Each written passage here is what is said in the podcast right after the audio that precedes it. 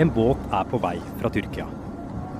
Den er fylt til randen av migranter som prøver å komme seg over til de greske øyene.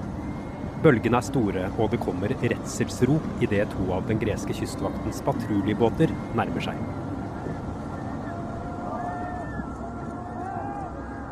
Kystvakten legger seg helt inntil og slår etter migrantene med en stokk. Et barn sitter i rød boblejakke ved ripa, og en mann holder opp en stor grønn badering, og det ser ut som han prøver å beskytte de rundt seg. En av mennene om bord i kystvaktbåten har med våpen. Så hører vi to skudd, og to vannsøyler står opp ved siden av gummibåten. Kystvakten sendte ut 52 patruljebåter denne dagen. De hadde ett mål å hindre migrantene i å komme seg til EU. Dette er forklart fra Aftenposten. Jeg heter Andreas Bakke Foss, og det er torsdag 5. mars.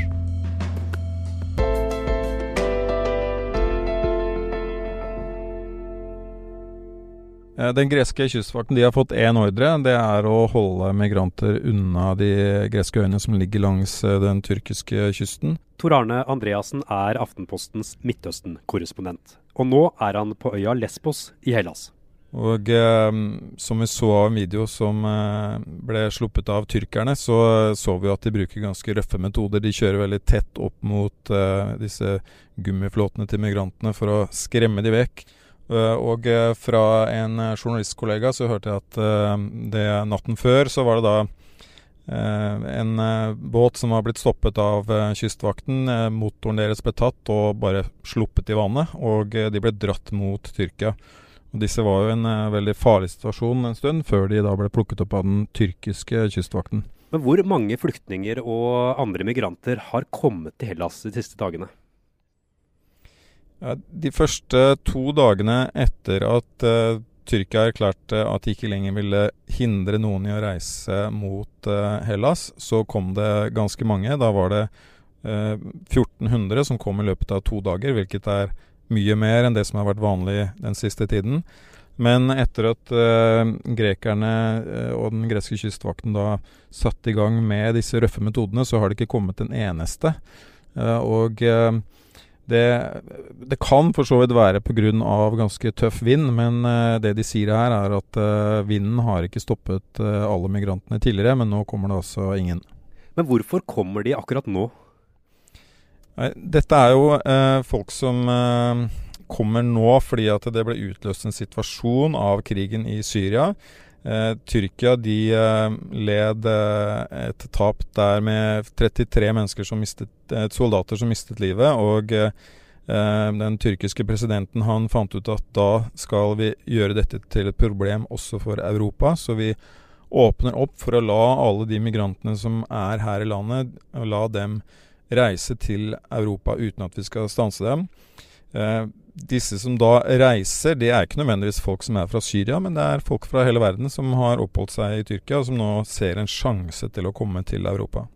Men hvorfor er det så viktig for greske myndigheter å forhindre at uh, disse migrantene går i land? Uh, greske myndigheter de ønsker jo å aksjonere mot politikken til Tyrkia. De sier derfor at de ikke kommer til å Eh, akseptere noen asylsøknader fremover. Så de ønsker jo da at eh, disse personene som er kommet sist, skal ha så lite tilknytning til Hellas som mulig. Og eh, har som mål å få sendt dem ut og tilbake til hjemlandet, er det eh, departementet der eh, lar oss høre. Nå er det omtrent 20 000 flyktninger og andre migranter på Lesbos. De fleste er i flyktningeleiren Moria, som bare er bygget for 2200. Og det har kommet flere rapporter om forferdelige forhold. Det som møter dem er en ganske fiendtlig innstilling fra grekerne. Det er jo Myndighetene her forsøker jo som sagt å gjøre det de kan for at de ikke skal komme hit. Eh, de blir plassert i overfylte leirer. Eh, og eh, befolkningen på f.eks. her på Lesbos, de er jo ikke noe særlig begeistret over at det er uh, masse migranter her. Da det var planer om å bygge et nytt mottakssenter her, så ble det massive uh, demonstrasjoner imot det. Og eh, det er ganske eh, ukoselig stemning rundt omkring, eh, særlig utover mot kveldene, hvor eh, det er noe som ser ut som en slags borgervern med innsmett av eh, folk eh, som er svært langt ut på høyresiden, som ja, det blir sagt jagde en del folk fra NGO-er vekk fra øya, og som ikke er spesielt glad for oss journalister heller. Nå har Hellas sluttet å behandle asylsøknader. Derfor ble de som kom til Lesbos denne uken, plassert i en provisorisk liten leir i et havneområde øst på øya.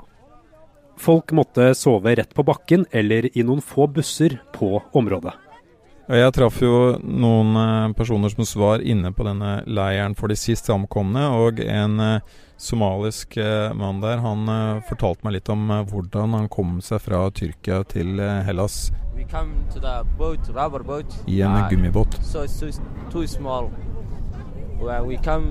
Turkey to, to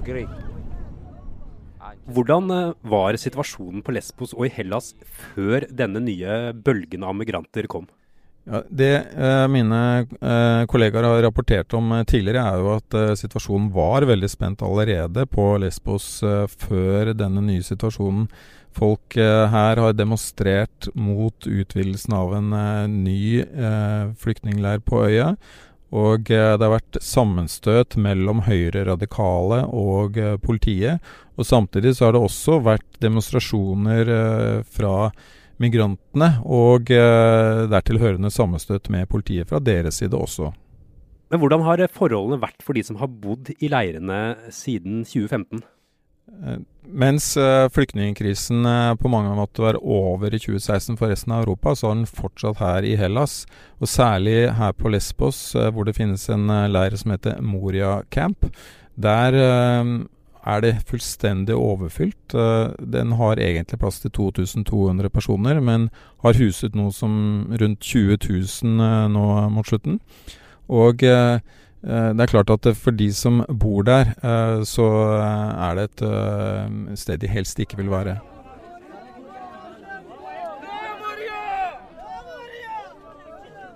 Det er gått fem år siden Europa måtte håndtere den største flyktningekrisen i nyere tid.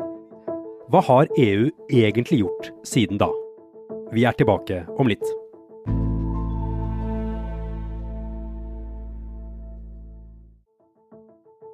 Som en konsekvens av krigen i Syria og andre konflikter i Midtøsten opplevde Europa i 2015 den største flyktningekrisen siden andre verdenskrig. Uh, den sommeren reiste Aftenposten nedover Europa for å dekke krisen. I Serbia, ved grensen til Ungarn, møtte vi en ung gutt fra Syria. Han hadde flyktet alene. I'm 17. My family, we are my mother and father, and I have uh, two sisters and one brother. They stay in Syria because they cannot pay all of money. Okay, they they sold him car and home to save me my life. Okay, we buy my life, our life, with pay the money. Over en million flyktninger kom til Europa ved å krysse Middelhavet. 80 av dem kom til Hellas, og de fleste til øya Lesbos. Mange beveget seg videre for å søke om opphold i andre europeiske land. Noen steder ble de møtt med piggtråd, andre steder med åpne grenser. Det var jo ingen helhetlig og effektiv reaksjon fra EUs side, sånn sett. Kristina Pletten er utenrikskommentator i Aftenposten. Landene reagerte veldig forskjellig. Det mest kjente er jo Angela Merkels utsagn eh, 'Wir schaffen das', altså 'dette klarer vi'. Og Tyskland og Sverige tok jo en veldig stor andel av de migrantene som kom den gangen. Noen land reagerte med å sette opp piggtråd. Noen sluset bare flyktningene gjennom og sendte de videre. Eh, det gjorde f.eks. Hellas. Mens altså en del land eh, tok imot noen få, sånn som vi gjorde her i Norge f.eks. Men hva ble løsningen på migrantkrisen i 2015? Det ble jo ingen løsning. Migrantene ble sittende i leirer eh, på de greske øyene, i Tyrkia og i Nord-Afrika. Og EU forsøkte på en måte bare å kaste penger på problemet, da. Eh, Bl.a. med å gi, gi, milliarder til Hellas. eh, som de nettopp hadde satt under administrasjon fordi at økonomistyringen deres var så dårlig. Eh, og Libya, der Nato-landene altså, hadde vært med på å styrte diktatoren Muammar Gaddafi, og, og, som er et land som knapt henger sammen. Så eh, det var ingen Jeg vil ikke si at det var noen sånn overordnet, klar og tydelig linje fra EU som hadde noen veldig bra praktisk løsning, eh, verken da eller for så vidt nå. Så vi kan konkludere med at løsningen var høyst midlertidig, da? Ja, løsningen var midlertidig, og den var veldig, veldig skjør. Og jeg tror jo at dette migranttrykket som vi ser nå, det kommer bare til å bli større og større mot hele den vestlige verden. Eh, I fjor sommer så var jeg på et migrantmottak i Tijuana i Mexico. Og Der fortalte de f.eks. at afrikanerne i, i, i, økende grad kommer til Mexico eh, for å forsøke å ta seg inn i USA. Så det kommer folk som flykter fra krig og fra fattigdom, etter hvert også fra klimarelaterte hendelser, fra veldig mange kanter, og til eh, egentlig alle landene nå i, i Vest-Europa. Og så har vi altså et system som sier at eh, du kan komme til grensen og søke om asyl hvis du blir forfulgt i hjemlandet, men først må du også ta deg til grensen. Og det er det vi ser nå, ikke sant? at folk kommer, og uansett egentlig hvorfor de kommer, så er det det de gjør. De kommer til landet og søker om asyl. Men nå er det fem år siden denne flyktningkrisen. Hva er det EU har gjort i denne perioden? Altså, de har gjort en del eh, praktiske tiltak for å håndtere unionens yttergrenser. De skryter nå av at de har eh, redusert presset fra migrantmassen med eh, 90 eh, og EU har jo et organ som heter Frontex, som er de som skal ivareta grensesikkerheten til unionen. Eh, det er disse som nå f.eks. skal hjelpe Hellas på grensen mot Tyrkia. Og En av de tingene som EU har gjort, det er jo å inngå en veldig kontroversiell for så vidt avtale med Libya om å forhindre migranter om å ta seg over havet til Italia. Eh, det som skjer, det er at migrantene blir plassert i leirer i dette landet som altså knapt henger sammen, og EU betaler millioner av euro for å opprettholde denne ordningen. We came here today to first of all express our solidarity and support to the Greek government, but also demonstrate our common European determination to help Greece and to find a European response to this new migratory situation or potential crisis. Denne uka var EU tidlig ute med å støtte Hellas og deres forsøk på å stanse migrantene. Flere har kalt Hellas for Europas skjold. Greece is now the shield, the real external border of the European Union, and the guarantor of stability for the entire European continent. Og den greske statsministeren takker for støtten, men sier samtidig at Europa har feilet. Han mener landene har lukket øynene og latt de ytterste landene håndtere situasjonen på egen hånd. Nå ser vi en ny situasjon. Hvorfor er det så vanskelig å finne gode løsninger? Altså Migrasjon og innvandring har jo blitt eh, en ekstremt betent og polarisert debatt i Europa. Og det har blitt en debatt som i veldig stor grad handler om moral og etikk og identitet. Eh, og det handler om hvorvidt vi har en plikt og en vilje til å hjelpe. Eh, og så har du en veldig tydelig anti-immigrasjonsbølge fra den ytterste høyresiden i politikken. Eh, og denne blir svart med fordømmelse fra de som da tar avstand fra den type retorikk. Og så skygger det for det som egentlig faktisk burde være debatten, som er hvordan kan vi løse dette her i praksis. Hva tror du vil skje med de migrantene som nå er i Tyrkia, og som eh, prøver å komme seg til Hellas og videre inn i Europa? Det ser ut nå som om de blir møtt med veldig tøffe virkemidler. Vi har bl.a. sett bruk av tåregass på grensen. Og eh, Hellas har nå en konservativ regjering som har eh, gått til valg på å ha en mye hardere linje mot disse migrantene som kommer. Så jeg tror at de innenrikspolitisk vil ha mye å tjene på å stå på denne veldig harde linjen. Og det får de jo også en viss støtte for nå fra EU for å gjøre.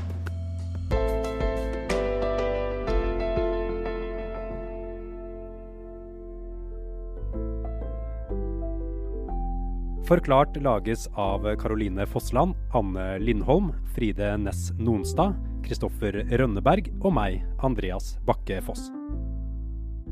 I denne episoden har du hørt lyd fra nyhetsbyrået AP.